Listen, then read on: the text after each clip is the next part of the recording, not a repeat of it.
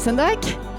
Eh, Jeg heter Kristin Roaldsnes. Jeg er en av pastorene her på huset og trives veldig godt med det. Hvert år på denne her tida her, i august, så har vi en serie gudstjenester som vi kaller Velkommen hjem.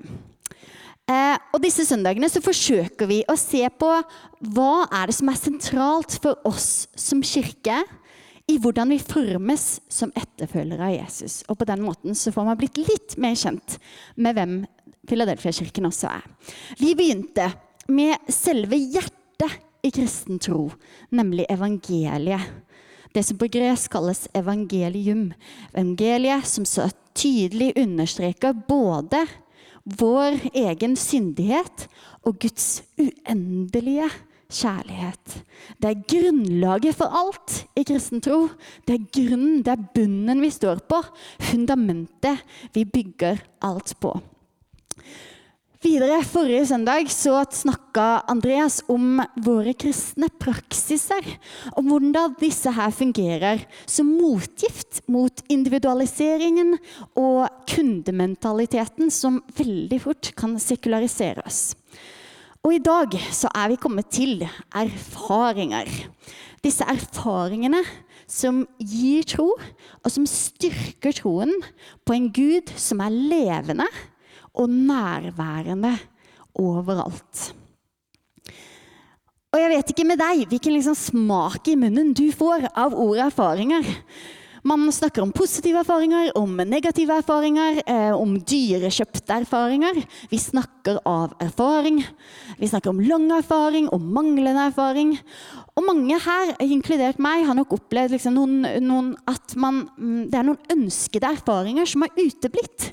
Noe man gjerne eh, En mulighet man ikke fikk, eller et Kanskje at man, eh, det var et bønnesvar som man virkelig lengta etter å få, men som man ikke erfarte. Mens andre igjen har nok fått noen erfaringer som man gjerne skulle vært foruten. Erfaringer man, uh, man har hatt, kan ha gjort det vanskeligere å tro. Og erfaringer man har hatt, kan gjøre det enklere å tro. Her og nå så snakker vi om de erfaringene som gjør troen, som gjør Gud levende for en. Som gir en sånn opplevelse av at Gud, du, du er jo levende. Du er jo nærværende. Du er jo i mitt liv, og du ønsker jo relasjonen til meg. Disse erfaringene kan gjøre, tror jeg, at vi står litt stødigere. At vi føler oss kanskje litt sånn sterkere i den overbevisningen som vi kanskje allerede har. Men grunnlaget vårt, vår grunnplanke, som Egil kalte det, er evangeliet. Uavhengig av praksiser vi gjør, og erfaringer vi får. Og det er viktig å ha med inn i dette. Og Med det som bakteppe så ønsker jeg å dele litt langs disse her linjene de neste minuttene nå.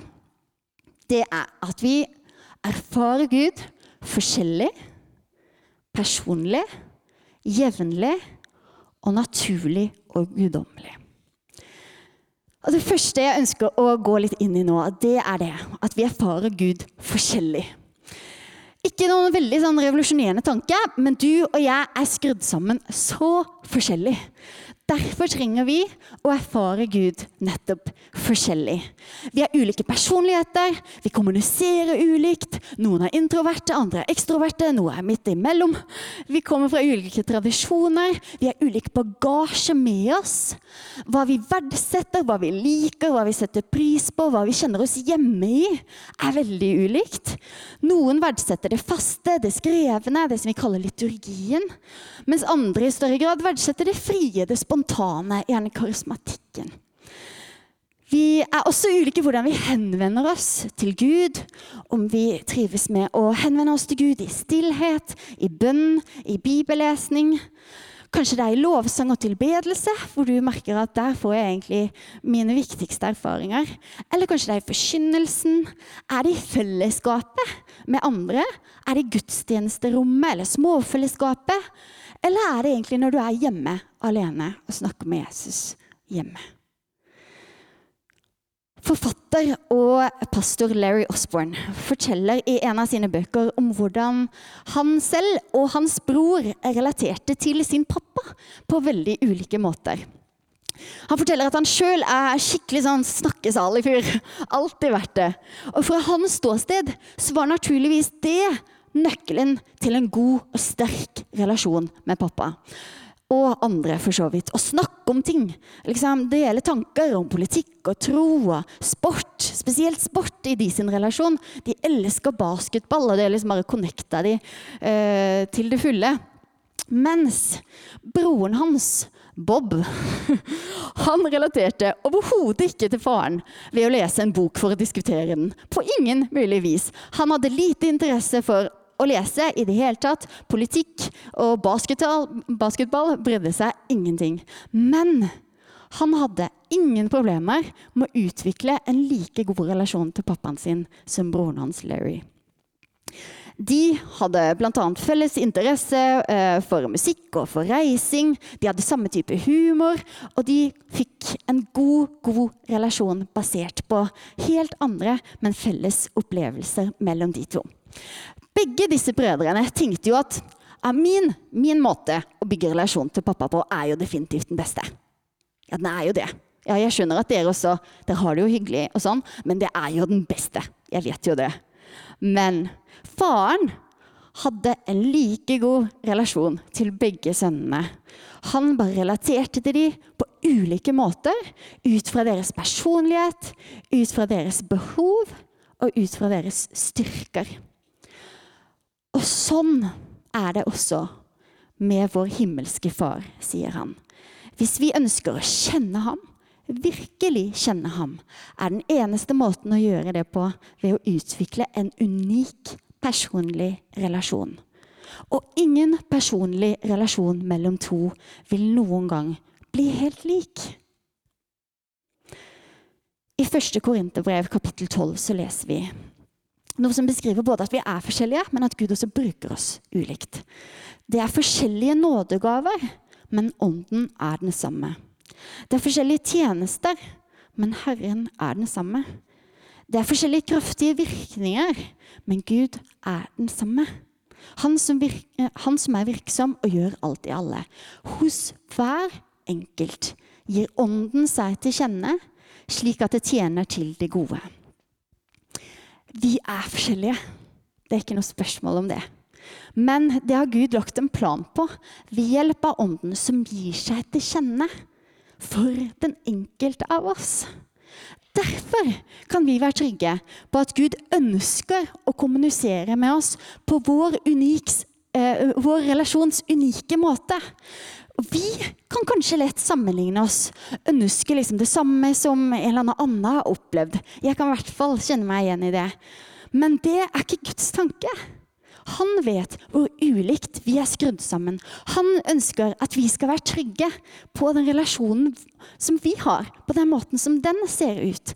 Og kjenne at vi verken trenger å kopiere en annens erfaring, eller å liksom trykke på min erfaring og si at dette må jo du også oppleve på akkurat denne her måten.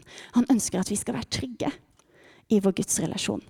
Når det er sagt, samtidig Vi trenger å bli inspirert av andre og vi trenger også å tenke at vi, ikke, at vi, at vi har mer å oppdage alltid. Det er alltid noe mer å se. Så midt imellom liksom dette her, her et sted, hvor man både står trygt i egen gudsrelasjon, men hvor man er nysgjerrig og ønsker å strekke seg ut, bli inspirert av andre og ta nye steg, der tror jeg at vi både har det på det beste med oss sjøl, og at vi er på et sted hvor vi kan vokse. Det neste det som jeg ønsker å løfte frem, det er dette. At vi erfarer Gud personlig. Hvis ikke Den hellige ånd gjør troen, budskapet om Jesus, personlig, så, blir, så forblir det abstrakt. Det forblir en teori. Det forblir andres tro. Troen der ute et sted, men ikke min tro. Bibelen gjør det tydelig at Gud ser ikke på oss bare som en sånn svær menneskemasse, som liksom en hel haug folk, men som jeg bryr meg jo om, da. Men han gjør ikke det. Han vet om, han kjenner, han elsker hver enkelt av oss på et dypt personlig nivå. Han bryr seg om deg og meg personlig. Vi ser også i Bibelen mange eksempler på hvordan Jesus imøtekommer hvert enkelt menneske på en personlig måte. Ut fra hvem de var, ut fra hvor de befant seg, hva slags bakgrunn de hadde, og hva de der og da kjente på. Om de var skamfulle, om de var syke, om de var bekymra, om de var stolte. Han tilnærma seg, kom de i møte, ut fra den enkeltes situasjon og person. Fordi han kjente og kjenner alle menneskers hjerte og tanker. Og også i møte med deg og meg i dag så ønsker han å åpenbare seg personlig. Han ønsker at kunnskapen vi har om ham, for det kan man gjerne ha mye av, at det skal synke ned og bli til kjennskap. Vi ser også bl.a. i Lukasevangeliet hvordan Jesus inviterer oss til denne her nære, personlige relasjonen når han sier når dere ber, skal dere si 'Far'.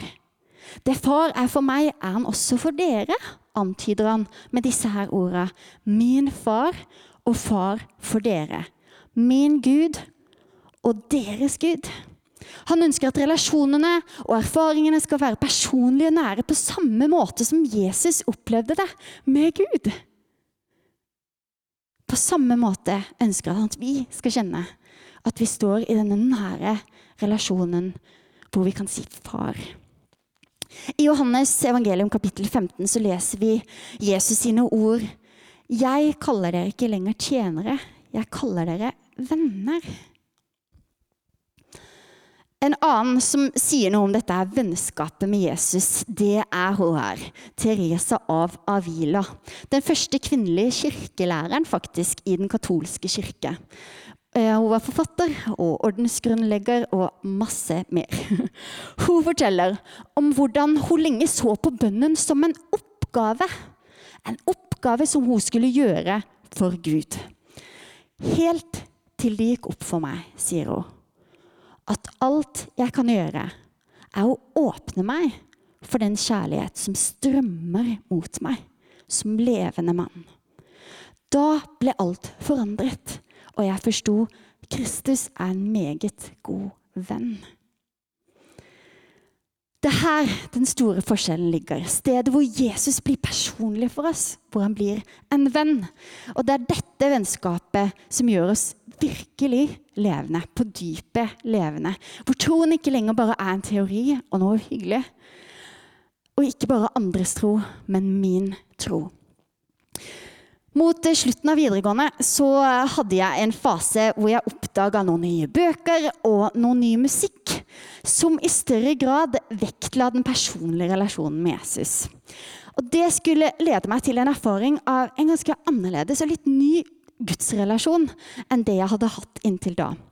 Den kristne troen gikk fra å være eh, teori og Veldig hyggelig, veldig fint. Noe jeg trodde på på alle mulige vis. Noe bra. Men det ble levende for meg på en helt ny måte. Og den begynte å bety enormt i livet mitt. Ikke bare timeplan mye i livet mitt, for det var masse hyggelige kristne aktiviteter, men bety enormt i livet mitt, ikke bare i kalenderen min. Jeg hadde hørt, jeg hadde lært, jeg hadde notert masse. Men det var litt sånn Ja, jeg hører hva du sier. Flott erfaring du hadde der, altså. Nydelig. Bra for deg, tenkte jeg. Men jeg, kjenner, jeg, trenger å kjenne at dette blir også levende for meg.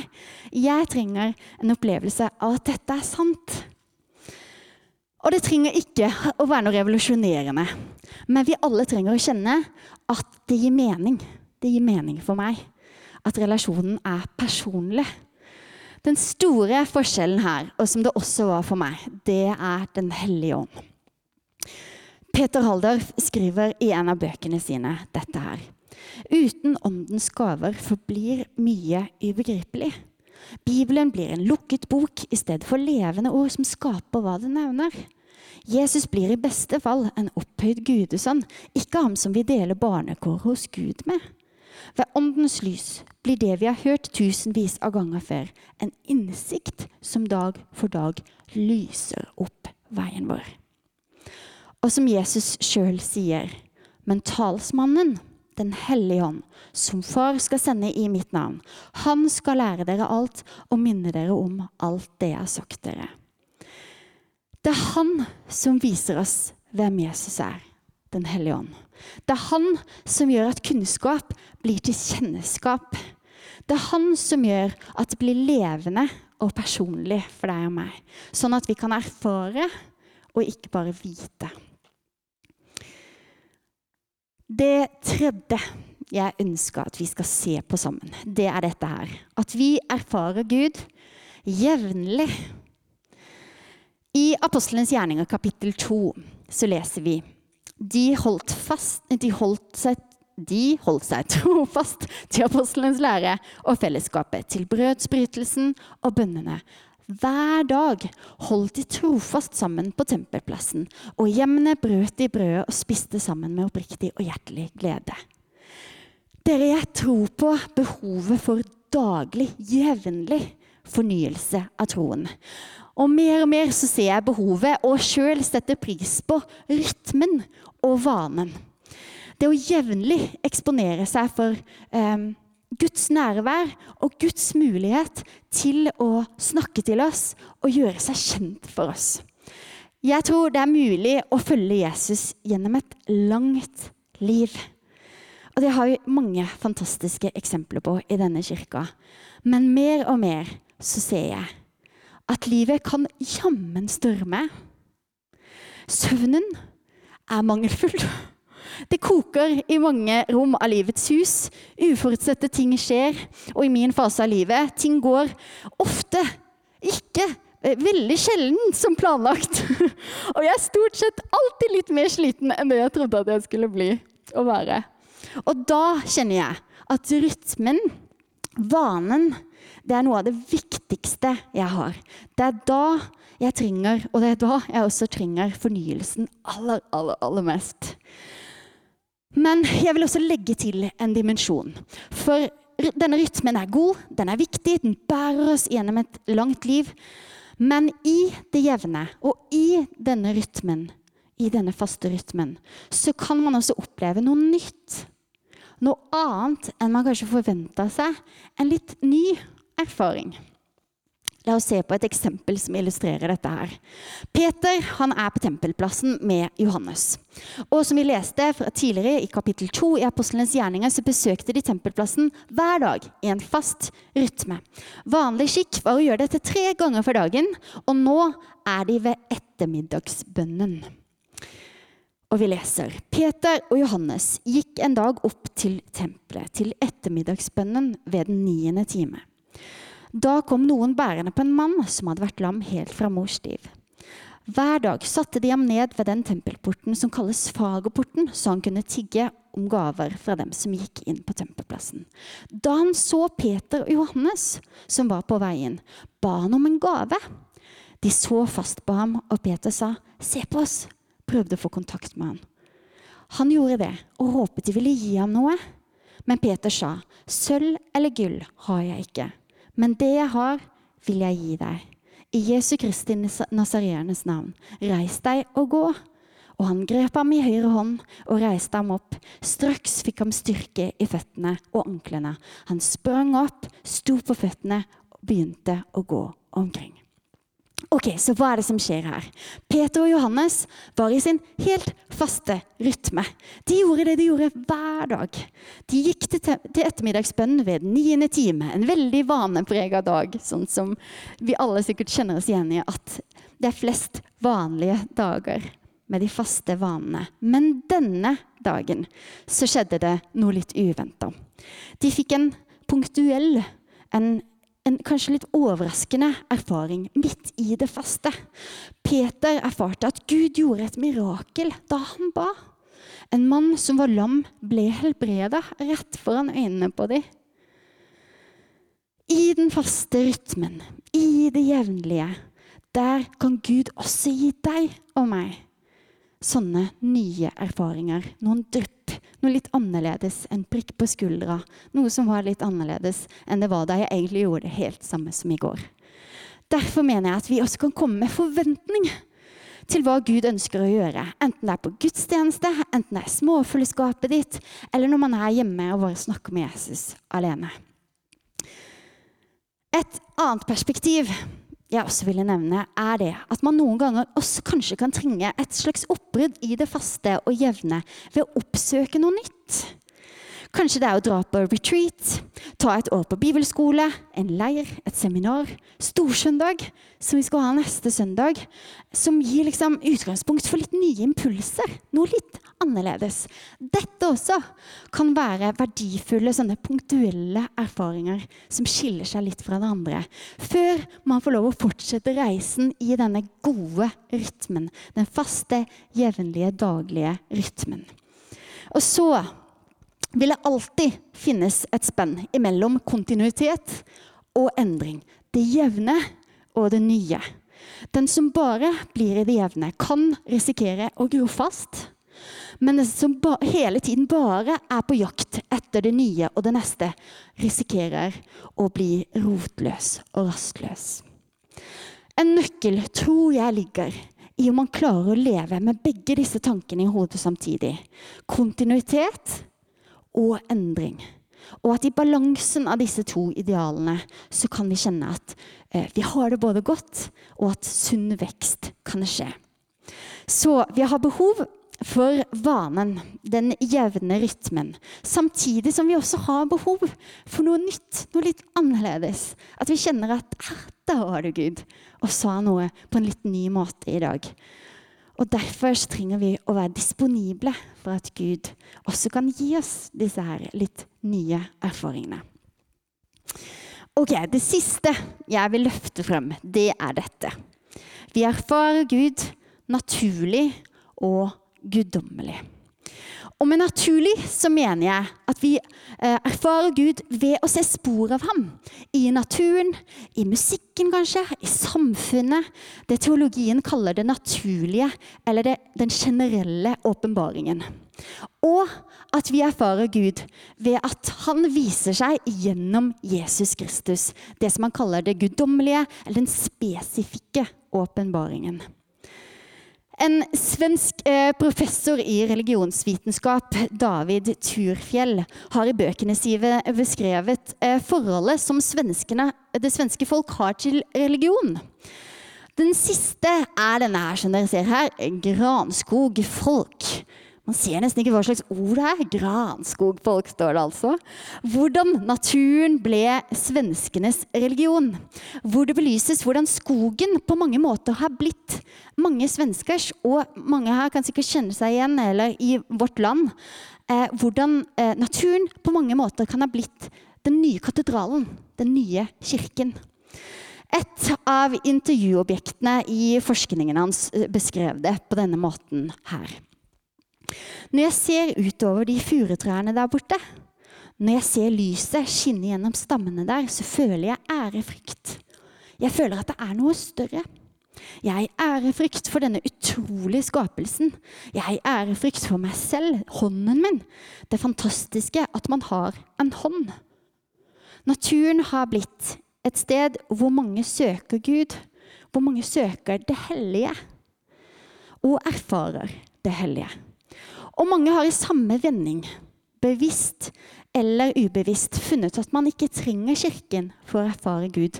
For de erfarer jo Gud i musikken, i naturen, i disse her Jeg ser spor av ham i samfunnet og i andre opplevelser jeg får. Så kan jeg erfare Gud. Denne tanken har på mange måter også prega mange kristne. Som pastor så hører jeg eh, mange som sier at de ikke trenger å gå til kirka. Nettopp fordi man klarer seg fint med det liksom, naturen og kulturen og YouTube har å tilby. Og det stemmer på mange måter. At man kan få en naturlig eller sånn generell åpenbaring av Gud gjennom disse tinga. Det blir også bekrefta i Bibelen, i Romerne 1, hvor det står for det en kan vite om Gud, ligger åpent foran dem. Gud har selv lagt det åpent frem. Hans usynlige vesen, både hans evige kraft og hans guddommelighet, har de fra verdens skapelse av kunnet se og erfare av hans gjerninger. Men, og det fins et men her, den guddommelige åpenbaringen av Gud som frelser, av Guds rike, det kan man ikke erfare i naturen. Fordi det trengs en guddommelig åpenbaring av Jesus gjennom, som Den hellige ånd gir, i og gjennom Jesu kropp på jorden, som er kirken i bred forstand.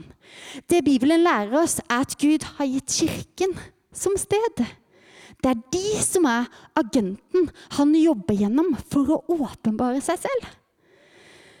Et perspektiv på dette her er nådegavene. Vi kommer i kontakt med Gud gjennom andre troende, gjennom deres nådegaver. Nådegaver er gaver Den hellige ånd gir troende for å formidle noe, noe fra Gud til andre.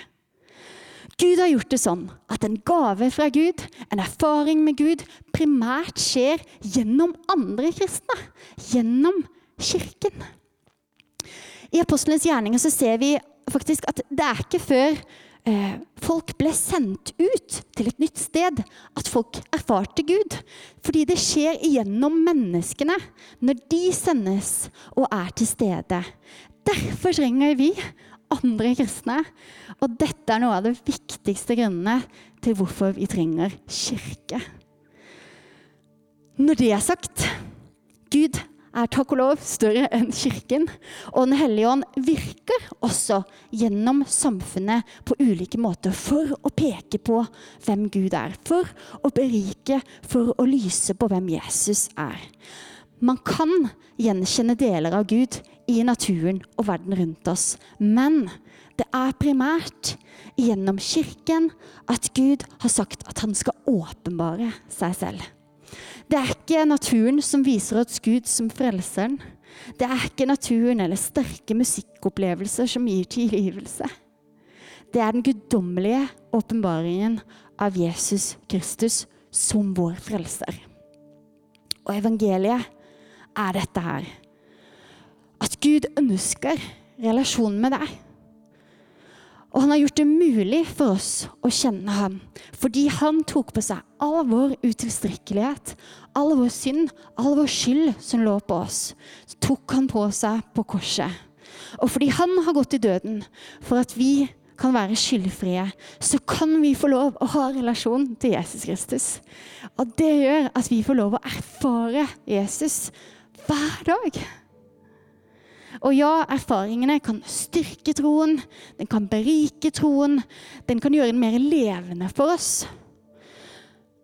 Men enten erfaringene er mange eller kjennes mangelfulle, enten rytmen er jevn eller den egentlig er helt i utakt, enten vi er fullt ut overbevist eller noen ganger kjenner at vi virkelig, virkelig tviler, så står evangeliet fast og er vår grunnplanke. Derfor er den aller, aller, aller viktigste erfaringen som du og jeg kan gjøre, er å få åpenbaringen av evangeliet om Jesus Kristus. Vi ber sammen til slutt. Kjære Jesus, takk for at du har gjort det mulig å kjenne deg ved at du gikk i døden for oss. Takk for at denne relasjonen ikke trenger å være fjern men du ønsker at den skal være nær, fordi du henvender deg til oss på den måten vi trenger. Fordi vi alle er forskjellige. Hjelp oss også å eh, finne en jevn, en god, en daglig rytme, hvor vi kan henvende oss til deg. Eh, hvor vi kan leve i tilbedelse til deg, få ta imot av deg. Og hvor vi også innimellom kan kjenne at du prikker oss litt ekstra på skuldra. Hjelp oss å ha den forventningen.